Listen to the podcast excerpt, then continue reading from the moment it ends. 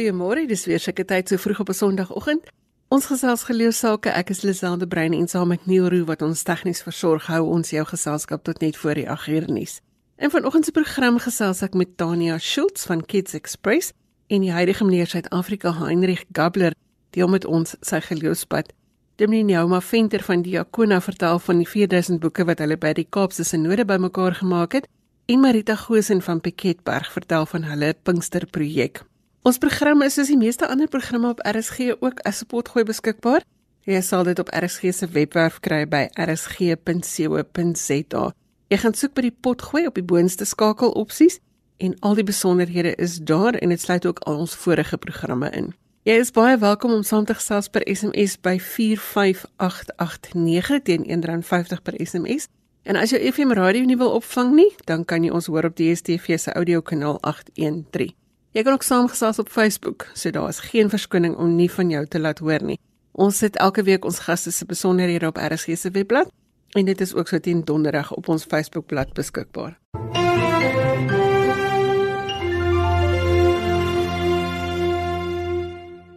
Dominee Ouma Venter is predikant in Sinodale diens en sy werk by Diakonia hier in die Weskaap en ons gesels vanoggend oor 'n interessante projek wat hulle tydens die onlangse Weskaapse noorde geloods het.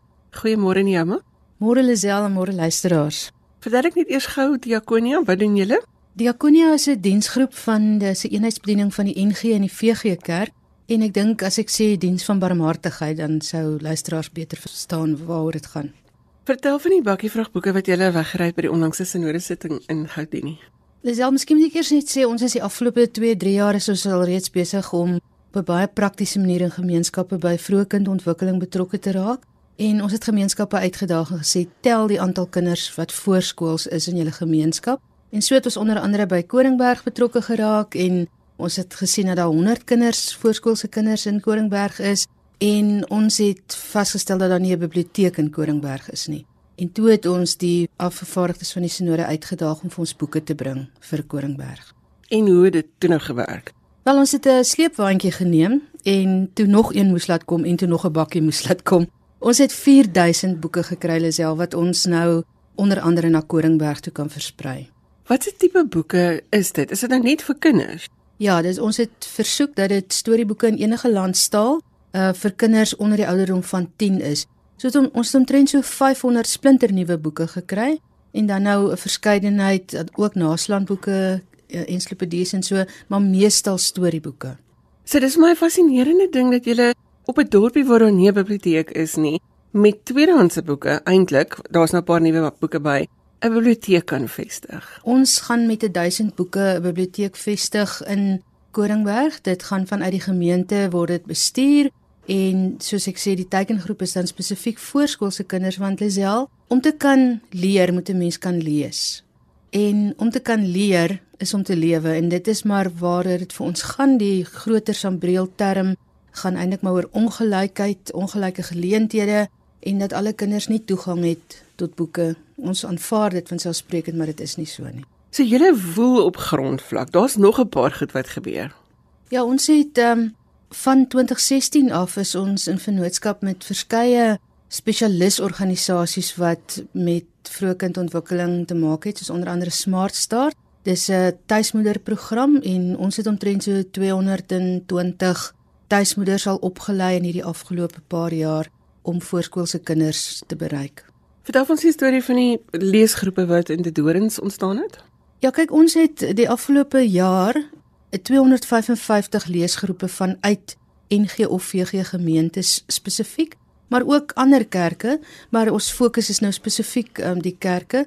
255 groepe gevestig lidmate wat een keer 'n week vir 10 kindertjies gaan lees. So jy kan praat van so tussen 2500 en 3000 kinders wat ons bereik. En en daar's verskeie dorpe daarbey betrokke. Rivier sonder en byvoorbeeld het 10 groepe Beketberg het 5 groepe op die berg het 29 groepe maar dit dorings is 'n uitskieter. Hulle het 75 groepe wat daartoe gelei het dat hulle biblioteek se kapasiteit ook uitgeput geraak het. So ons gaan die ander 3000 boeke uh, beoog ons om die 27ste September dis geletterdheidsmaand gaan ons saam met Liasa wat die oorkoepelende organisasie is wat biblioteke in, in ons land bestuur, gaan ons saam met hulle die skenking in die dorings ook doen. Is dit nie goeie nuus dat 'n biblioteek uit boeke uithardloop nie, want daar is nie genoeg vir almal wat lees nie. Absoluut. Dit klink vir my 'n wonderlike nuus. Vertel 'n bietjie van die voorskoolse program wat julle doen. Ja, ons fokus spesifiek op 3 tot 5 jariges met ons Smart Start programme, maar ons het ook en ons bedien spesifiek gemeentes. Ons help gemeentes om so 'n proses aan die gang te kry en 'n projek van die grond af te kry en so.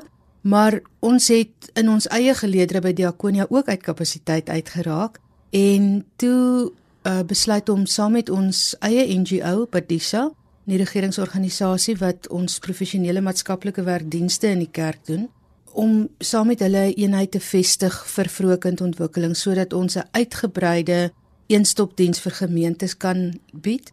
Ons kan met ander woorde nou ook 'n gemeente help om 'n geregistreerde sentrum te vestig ensovoorts en ons het nou by die sinode in Mei maand die eenheid se naam bekend gestel. So die die eenheid die program se naam is Little Seeds. Ja, maar hoe werk die leesgroepe wat julle gestig het?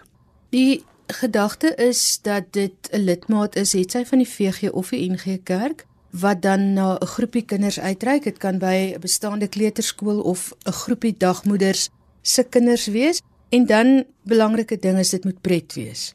So jy gaan lees die storie, maar die persoon wat gaan lees is ook deur 'n bietjie van 'n opleiding om ook die manier waarop jy lees leergeleenthede vir kinders te skep. As ek 'n voorbeeld kan noem, jy wys die prentjies en dan sê jy wat se vorm is die son? Oor die son is 'n sirkel. Wat is nog alle sirkels wat ons hier sien en dan sal ons sê die hondjie se oogies is ook sirkels of die varkie se neus is ook 'n sirkel om maar een voorbeeld te noem. So dis 'n voedselvlak projek waar as jy 'n tuismamma is, kan uitreik om ook te gaan help. Ek wil vra, wat is jou ervaring van mense se betrokkeheid hierby? Is dit maklik om mense te kry om deel te word hiervan? Een van die vereistes vir ons wanneer ons gemeentes wil help om betrokke te raak, is dit moet eenvoudig wees. Enige iemand moet dit kan doen en dit moet op die lang duur, jy weet dit moet standhoudend wees. So ons ervaar dat mense aanvanklik skrikkerig is of onseker is veral uh omdat jy baie keer uit jou eie omgewing uitgaan na 'n ander omgewing toe, maar feitelik na die eerste ontmoeting kom mense terug en sê dis die hoogtepunt van my week. Ek wil vir jou sê ek hoor baie van tuisbly ma's, mense wat nie werk het nie, wat sê ek wil graag iets doen, ek wil graag uitreik en ietsie gaan doen. Kan hulle julle kontak indien daar so behoefte is en dan kan julle hulle stuur na iemand toe om daardie opleiding te kry en om die werk te gaan doen. Diakonie sal nooit op ons eie net in 'n gemeenskap ingaan of op die oproep van 'n individu noodwendig kan reageer nie, maar ons kan deur 'n gemeente werk. So iemand wat hoor en belangstel kan sy gemeente kontak en sy gemeente dominee kan ons kontak en dan begin ons 'n proses wat ons saam met daardie gemeenskap besluit wat presies is die behoeftes. Ons kan ook nie net veronderstel dat dit die spesifieke behoefte is nie. En ons sou ook ons sê as daar tweedehandse boeke iewers by jou huis rond lê, kinderleesboeke as jou kleinkinders nou al dit ontgroei het, kontak jou naaste gemeente en kontak vir diakonia. Ons wil graag gemeentes aanmoedig. Die gemeente se barmhartigheidsbediening kan byvoorbeeld so 'n oproep weer doen in gemeentes en boeke by die kerk versamel en diakonia kontak ons kan 'n reëling tref om die boeke te kry en ons kan dan weer sorg dat hierdie boeke op die regte plekke uitkom. So as jy nou besig is om jou huis met 'n Marie Kondo manier skoon te maak, dan is hier nou 'n gawe plek waar jy daardie boeke heen kan stuur. Kontak jou gemeente en vra dat hulle vir diakonia kontak. Dit is 'n enige NG Kerk, enige VG Kerk en ek dink enige ander kerk sal dalk dieselfde. Enige ander kerk. Ja, binne die familie van kerke. Uh, ons mandaat is nou maar net deur die NG en VG aanvanklik. So neem dit die kerkraad en die dominee sal weet wat om daarmee te doen. En as hulle nie weet nie, dan vra jy vir hulle om uit te vind. En so gesels Dominee Jouma Venter van Diakonia hier in die Wes-Kaap. Ons het gesels oor hulle boekeprojek waar hulle boeke insamel vir biblioteke en ook vir die leesgroepe, die Little Seeds opleidingsprojek waarmee hulle besig is en dan ook ander leesgroepe. Ons sê sommer namens hulle baie dankie vir die boeke wat jy tuiste gevind het en vir al die boeke wat jy nou nog daar by jou huis gaan vind en by die kerk gaan afgee sodat dit na hulle toe kan kom. Dankie Neuma vir die saamgesels. Dankie Lisel. As jy sopas ingeskakel het, goeiemôre. Die program is Sondagjoernaal waar ons vroegoggend hoor wat die rol is wat geloof in mense se lewens speel. Gemaak gerus 'n draai op RSG se webblad by rsg.co.za vir die besonderhede van ons onderwerpe en ook ons gaste.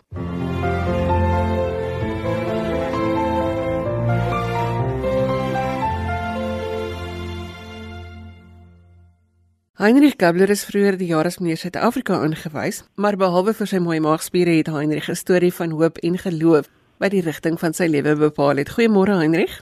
Môre hoe gaan dit daai kant? Dit gaan met ons baie goed, dankie. Heinrich, jy het vroeg in jou lewe met harde omstandighede kennis gemaak. Vertel ons van jou grootword jare. Ja, ek het maar soos enige normale klein seentjie in die agterplaas met my rugbybal gespeel en net gedroom om eendag vir die Springbokke te speel. Ek het natuurlik mal oor sport en ek het daardie droom voortgeleef in die agterplaas en tot omtrent die ouderdom van 19 jaar oud is my ma toe oorlede in 'n motorongeluk.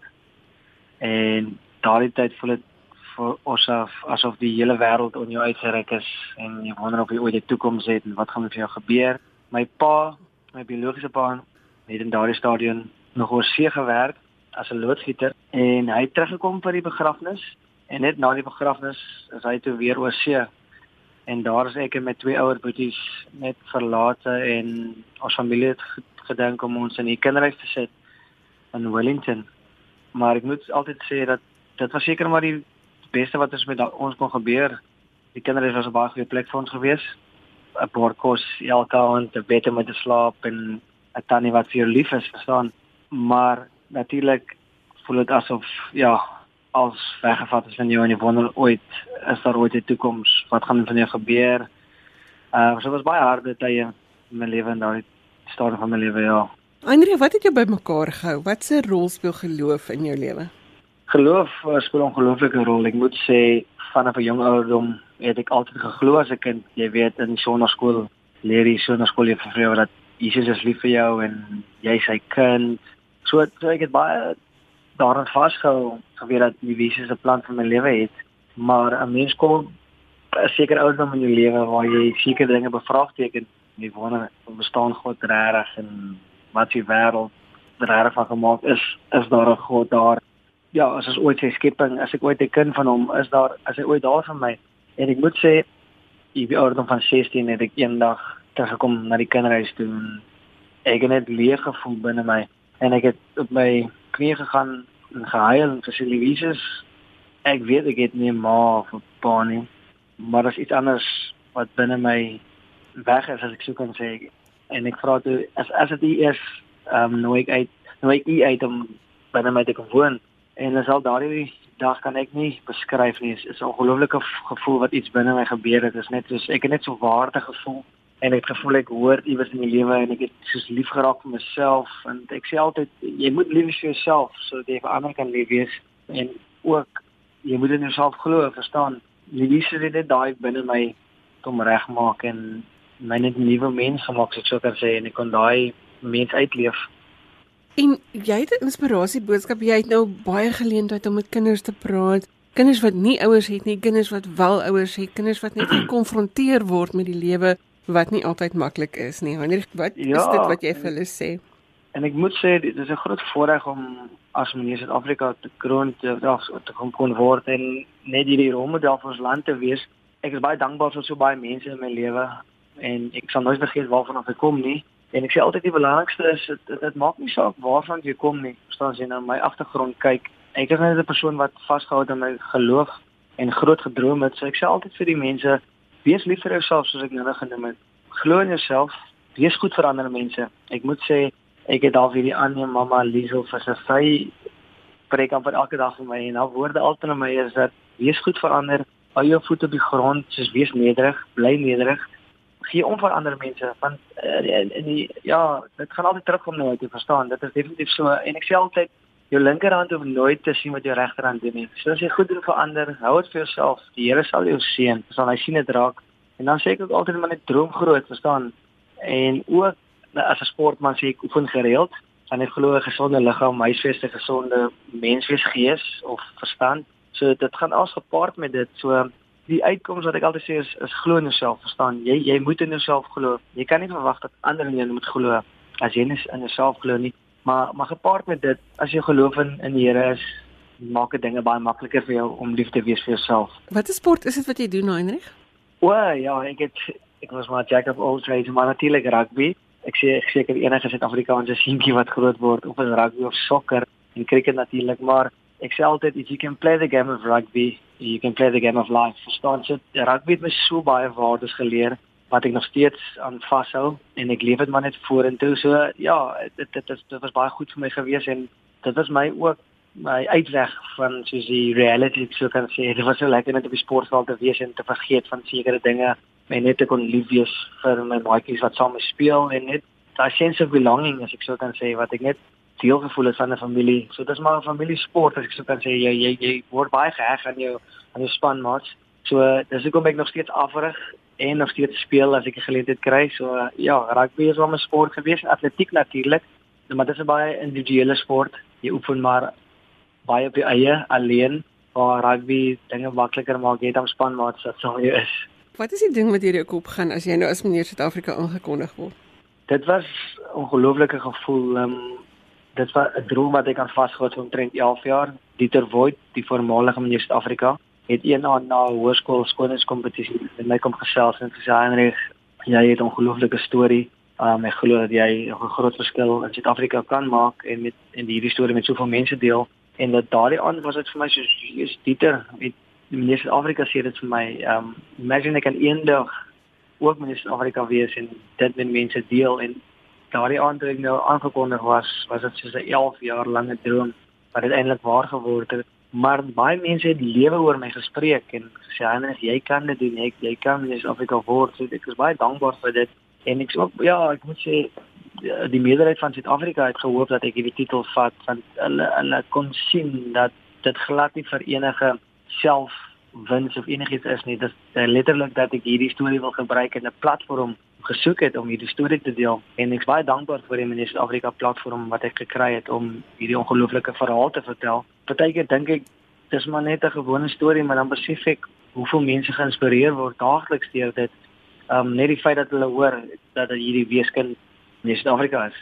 Natuurlik is dit 'n baie moeilike journey Um en uh, ja, my lewe was altyd maklik so sonskyn of maanskyn en rose en jy verstaan, dit was baie uh, harde tye ook tussenin, maar dis waar my geloof 'n groot rol gespeel het. So ek's baie dankbaar. Ek het gesels met Heinrich Kabler, die huidige meneer Suid-Afrika en ons het gesels oor sy pad met geloof. Baie dankie vir die saamgesels vanoggend Heinrich. Baie dankie Lisel vir die geleentheid. Ek waardeer dit regtig baie. Dankie vir die platform wat jy ook vir my gegee het. Goeiemôre hier vanuit 'n koue Kaapstad. Jy luister na Sondagjoernaal en ons soek al die positiewe stories waar geloof 'n verskil maak. As jy een van daardie geloostories het, kan jy gerus van jou laat hoor. My e-posadres is lazel@wwmedia.co.za. Ek gaan dit weer aan die einde van die program gee. Net vinnig weer lazel@wwmedia.co.za. Ek sien iemand hier laat weet Bloemfontein is baie kouer as Kaapstad. Ek dink ons almal kry koud, behalwe miskien die luisteraars daarbo in Tsanin se omgewing. Ek weet nie of hulle ooit koud kry daarna by die wildtuin nie. Laat weet vir ons as jou vingers ook so iets wat styf is vanoggend.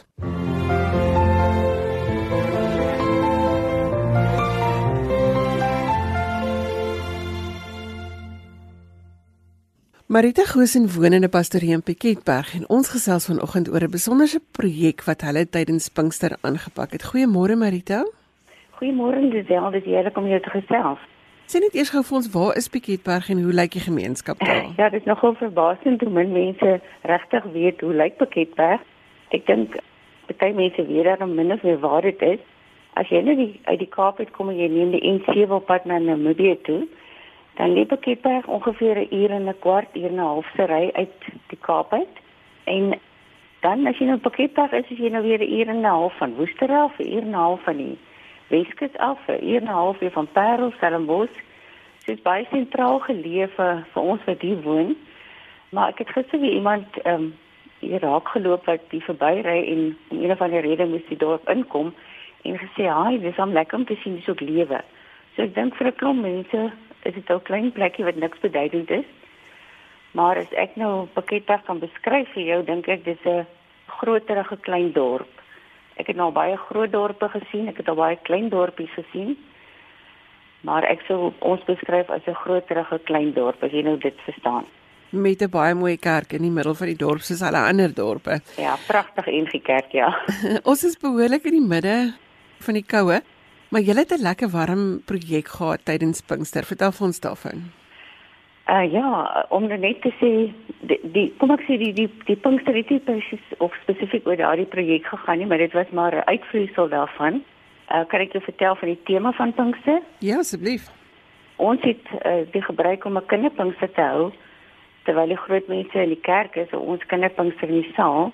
En ons maak gebruik van Kids Express op Somerset West se ehm um, materiaal wat hulle ontwikkel. En hierdie jaar was die tema Ahoy.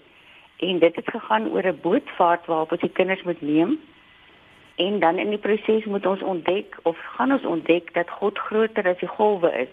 En dit was vreeslik prettig en kleurryk en ons het die saal baie mooi versier en baie lekker ingerig dat dit lyk soos 'n 'n vissersgemeenskap en 'n see tema. En ehm um, ons het ook karakters genooi om vir ons vir die week te kom kuier en dit was Noag en uh Jona en Petrus het kom kuier. En Kids Express het ook baie oulik om vir ons videosnitte in te sluit van die werk van die Here wat op op see en op hawens gebeur.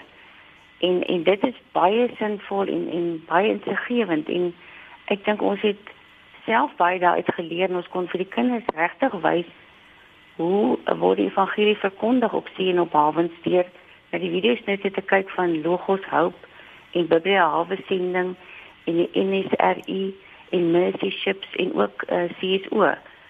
Nou aansluit by jou vraag oor die warm projek, ons het toe op die ouens seemans misse gebrei.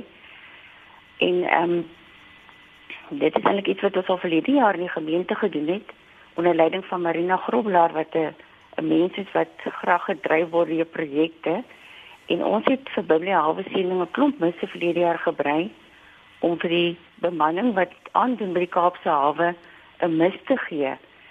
En toe ek nou sien dat dit weer die tema die jaar is by by die kinderpinkster en ek besef dit is ook wat die video's net vir ons wys dat die evangelie aan seemanne uh, bedien word. So ek nou goed gedink om dan nou ook dit vir die kinders prakties te laat beleef. En so vier weke voor Pinkster toe vra ek vir die staatmaker vroue in die gemeente, jy weet elke gemeente het sy staatmaker vroue. Vra of hulle bereid sou wees om 'n seemanmis te brei en so vir 25 vroue binne 4 weke het ons toe nou 'n wonderlike rekordgetal van 100 misse gebrei. En die een aand van Pinkster, dit was nou die aand van die van Petrus se se fenominale visvangs het ons die misse nou daar gehad en elke kind het 'n mis opgesit vir die aand en dan ook dan vir hulle verduidelik dat mense kan nie altyd die evangelie bring aan seemanne wat van oor die wêreld kom en jy ken nie hulle taal nie, jy ken nie hulle kultuur nie, jy weet hoe om met hulle te kommunikeer nie. As jy hom 'n mis gee en hy ervaar daai warmte en hy koestering, dan is dit die taal wat 'n mens gebruik om Jesus se liefde oor te dra. En ons het die misse nou weer teruggekry die aand en na die Pinkster het ons uit die hele besending misse toe gestuur na Biblia Hawe sending is Karen Brink, as ek nou reg het. En sy werk saam met Dane Du Plessis en hy gaan deel dit dan uit en hy verkondig die evangelie uh, in die hawe van Kaapstad. Dit klink vir my nou 'n heerlike projek om sommer die hele gemeenskap bymekaar te bring. As ek nou mag vra Marita, jy kan seker nou nie namens die hele groep praat nie, maar Watter geloofservaring het julle gehad tydens hierdie projek? Miskien tydens Pinkster en om so met die kinders te werk? Man, dit uh, is eintlik 'n gelaaide vraag en ek weet nie of ek nie of die antwoord so maklik kan kom nie, maar as jy nou met die vrouens gesels en vra wat gebeur met hulle as hulle besig is met so 'n projek, dan uh, praat jy gewoonlik met 'n vrou wat sê maar sy kan in elk geval nie stil sit sy moet altyd iets doen. So dink vir vir iemand om vir uh, iets te maak vir 'n projek versterk haar geloof en sy het 'n doel waarvoor sy iets doen en sy sy besef sy maak 'n verskil en ook wat die mooi wat gebeur het is mense het mekaar leer ken. Uh iemand mense wat mekaar nooit leer geken het nie het nou 'n patroon of wat uitgeruil en op so 'n manier bietjie nader mekaar gekom.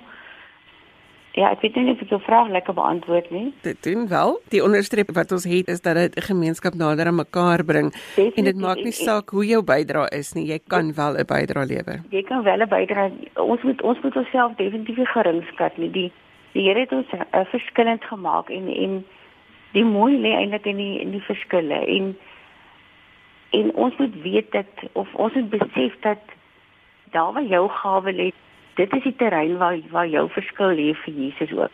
En ons het talle ander uh, projekte waarna ons deurgaans werk. So dit is nie net seemans missie nie, dit is ook uh, missies vir vir vir voor, vroeggebore babas, missies vir skoolkinders, missies vir vigswesies en ons bly beertjies en ons was betrokke by die eh, landvragprojek nou vir die winterhoop uh, valdriehoek projek het ook 'n klomp vroue klompstroke van die landsvlag gebrei.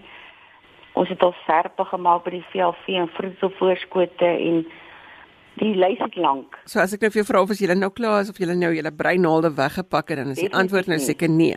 Nee, definitief nie. Dit is 'n deurgaande projek en en ons kyk net altyd uit vir vir nuus en en die beertjies nie, my sou ons nooit op nie. Die die behoefte uh, bly, bly gedurig daar.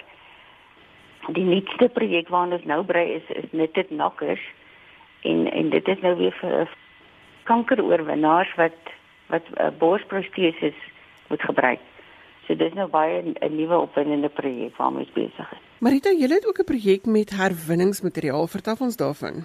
Ja, ons is self op 4 jaar besig met um, die herwinning van plastiekdoppies en bro broodknippertjies. Ons praat mos nou maar van broodtags. Ek weet nie of broodknippertjies die regte woord is nie. Maar waar ons dit insamel vir die rolstoele en ons het al 4 rolstoele teruggegee in die gemeenskap vir die VG Kerk, die NG Kerk in die Kou en ons het vir home based care, is die tuisversorging en vir Badisa reeds rolstoele teruggebring. So dit is werklik 'n breë gemeenskapsprojek wat vir ons baie vreugde en baie ons kry doppies uit Pretoria en oral van oral oor. So presies hoe werk dit? Ons gee by die kerk by die biblioteek enige plek waar uh, waar die gemeenskap ons maak dit so gerieflik moontlik vir mense om dit iewers te gee en ons het baie kontakpersone en dit sal nou lekker wees as die doppies uitgespoel is. Dit maak dit makliker en dan sorteer ons so 'n bietjie en ons stuur dit weer na 'n organisasie toe wat dit weer verder vat. Marita baie dankie dat jy 'n stukkie van jou lewe wêreld met ons gedeel het. Ek dink as ons nou een ding by Jonah geleer het, dan is dit om gehoorsaam te wees. Anders word jy oorboord gegooi as jy nie wil luister nie. Baie dankie dat jy 'n stukkie van jou pad met ons gedeel het en dankie vir die saamgesels. Baie dankie Lisel, was heerlik om jou te gesels. Dalk moet ons almal wat koud kry begin brein hekel, dan los ons sommer twee probleme gelyk op. Hmm.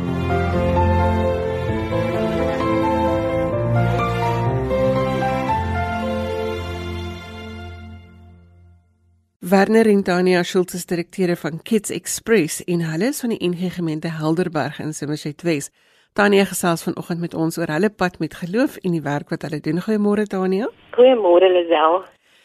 Julle het 'n kinderbediening, vertel ons daarvan. Ja, Lisel Kids Express is 'n publikasiebediening wat ek en my man Werner so 15 jaar gelede begin het wat leesmateriaal ontwikkel en versprei na gemeentes en organisasies en skole enige plek waar kinders met die evangelie van Jesus Christus bedien kan word. Ons het 'n posbesteldiens via ons webblad en ons stuur materiaal reg oor Suid-Afrika. Ons het materiaal vir voorskoolse kinders vanaf 2 jaar vir laerskoolkinders en ook so twee tienerreekse. Maar ons hoof fokus is voorskoolse en laerskoolse kinders. En ons doen dit regtig om sonnaskoolonderwysers en jeugwerkers en predikante se hande te versterk deur evangeliese Bybelgefundeerde materiaal te voorsien wat wat gebruikersvriendelik is. En ons passie is regtig dat um dat kinders God en sy woord beter sal leer ken en en hom sal liefkry en die woord sal liefkry. Ek hoor baie goed oor die lekker praktiese materiaal wat jy uitdeel. 2014 was die jaar wat julle koers so klein bietjie verander het. Vertel vir ons van jou seun Christian se ongeluk. Ja, Lisel, um, as jy sê ons koers het 'n klein bietjie verander, dan het dit nogal dramaties verander. Ons het op die 2 Augustus 2014 enige ouers se grootste nagmerrie beleef. Toe ons middelseun Christian en sy metgesel Lizaan albei in hulle eerste jaar op Stellenbosch oor 'n onbewaakte spooroorgang buite Stellenbosch gery het op pad na 'n huisdans. En hy het nie die trein sien kom nie. Hulle is is daardie aand albei op slag dood. Daardie gevoel wanneer die polisie aan jou deur klop en daardie nie vir jou gee en die aarde net totaal en al onder jou voete pad gee, sal ek nooit vergeet nie.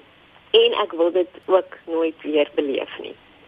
Maar weet jy op daai stadium ja, mense is net jy's verslae. Jy het nie woorde nie. Jy ja, dit is maar net iets wat 'n mens kan beskryf van iemand as jy dit nie self beleef het nie. Want jy, selfs toe Christian oorlede is, ek het nie die waarom vrae gevra nie. Daar's net daai vrae wat wat daar nie antwoorde op is nie. Ons het die waarom vra of ek persoonlik ook het die waarom vrae gevra toe ons 9 jaar gelede 'n miskraam gehad het. Daai vraag waarom ek Um waar was die Here? Waarom het hy dit nie gekeer nie? Dit was vir my ook 'n baie dramatiese tyd gewees en die Here het destyds net op sy sagte manier vir my kom wys dat hy intens van my pyn bewus is. En nou hierdie dinge gebeur as gevolg van die gebroke werklikheid waarin ons leef. En dat dit nie iets is die miskraam wat nie iets wat ek verkeerd gedoen het of wat die Here oor my gebring het nie. Die Here het net so sag vir my kom sê dat ja, dat ek nie alleen in in hierdie pyn is nie. En die Christian sterf was al wat ons maar net kon doen was om met ons gebroke harte en ons verslaandheid onder die Here se vlerke in te kry en daar skuilings te kry. Dit was en is steeds die beste plek om te wees. Ek het net geweet as ek daardie tyd vir 5 jaar gelede as ek as ek toe my geloof sou verloor of in God se goedheid en sy liefde vir ons sou twyfel, wat het ek dan oor? ek het so kosbare vers in daai tyd ook gelees in Johannes 6 vers 68 toe die disippels vir Jesus of van die disippels uh, het vir Jesus verlaat. En hy vra vir die 12, "Wil julle nie maar ook weggaan nie?" Petrus antwoord hom en sê, "Here, na wie toe sal ons gaan? U het die woorde wat ewige lewe gee."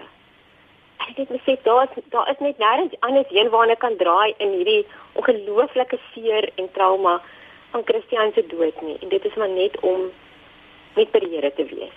En en en sê ook die Here het nooit beloof dat ons as sy kinders nie sal seer kry nie. En wat hy wel beloof is om ons nooit alleen te los in daai pyn nie.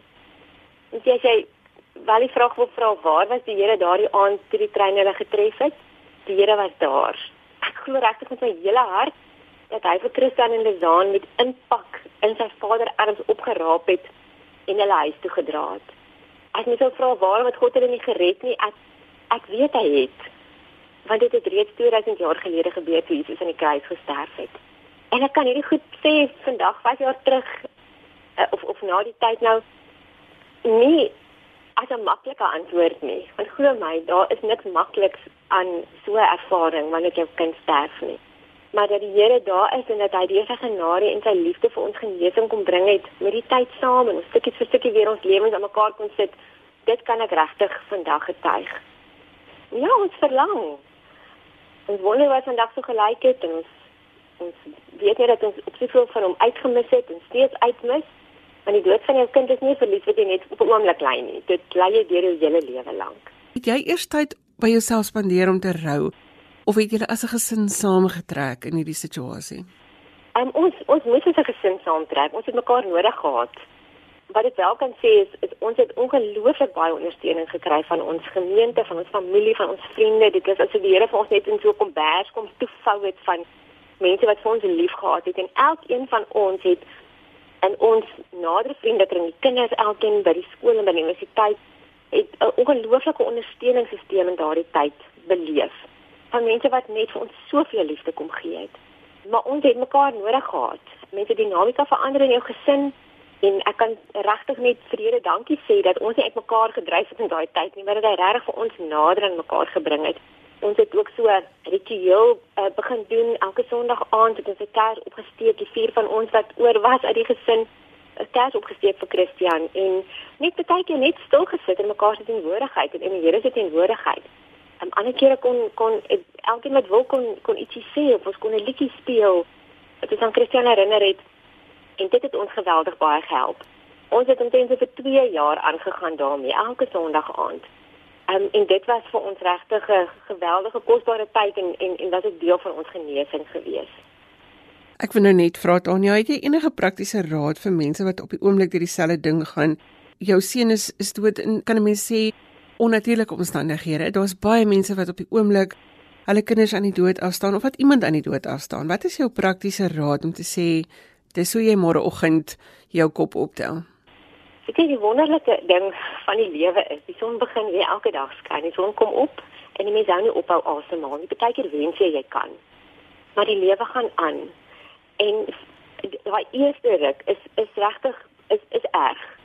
En mens moet vir jouself die, die tyd gee en die kans gee om tot verhaal te kom en dit kan lank vat.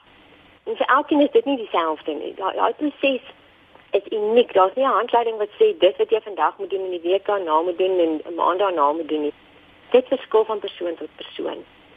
Maar wat vir my alreeds na die miskraam geweldig baie in die genesingsproses gehelp het en wat ons steeds na Christian se dood help, is om by iets betrokke te wees waar ons die geleentheid kry om weg te kyk van ons eie pyn en ook ander se pyn raak te sien en iets te doen wat in mense se lewens 'n verskil maak. Mense gaan definitief nie die die dag of twee of maand of jaar dalk self na so 'n ongelooflike trauma eendag net opstaan en vra waar kan ek betrokke raak nie. Dit vat tyd. Maar vir ons het dit 'n ongelooflike verskil gemaak toe ons na die miskraam tydelike veilige sorgouers geword het vir babas wat wag op aanneming. En dit is ons ongelooflike voorreg en ongelooflik kosbaar om hierdie babas te versorg tot hulle by hulle aanneemouers geplaas word. Dit duur gewoonlik so tussen 3 tot 4 maande. Dink omdat ons weet hoe kosbaar en kwesbaar die lewe is, is dit vir my baie belangrik om om met lewe besig te wees. En daar's tog niks wat meer sê oor lewe as as klein babatjies nie wat nou met die nuwe lewe begin het. Ehm um, so vir, vir ons as as gesin is dit 'n ongelooflike kosbare proses om hierdie babas te versorg en te weet dit maak 'n verskil want dit is nie net ons wat pyn het nie. En dit is 'n groot gevaar en, en dit is deel is reg deel van die rouproses. Dit is dit moet al wees. Ek mens moet vir 'n oomblik net stil staan en jou eie pyn beleef en en dit ervaar en die realiteit daarvan beleef. Maar om dan te besef ek is nie die enigste een nie. En in ons geval wanneer ons kyk na ander ouers wat ook deur pyn en trauma is, dalk deur baie miskrame, biologiese mamma wat nie vir haar baba kan sorg nie, wat daai verlies ly, dit het ons gehelp, dit betrokke te wees daarbey en en die Here daardeur met ons genesingspad gestap. Ek was in gesprek met Tanya Schultz van Somerset West en sy het vertel van die rol wat geloof in hulle speel en ook hoe om verlies te hanteer. Dankie Tanya dat ons uit jou ervarings kon leer vanoggend. Dit is 'n groot voorreg. Dankie Lisel. En met Tanya se storie is ons aan die einde van vandag se program. Ons gaste vanoggend was Tanya Schultz van Kids Express, Heinrich Gabler, Dominee Neuma Venter van Diakona en Marita Gosen van Piketberg. Jy kan vir my e-pos met kommentaar of as jy 'n geloostorie met ons wil deel. My e-posadres is lizel@wwmedia.co.za. Is L E Z E L E by wwmedia.co.za. Tot volgende week groet ek namens tegniese regisseur Neil Roo.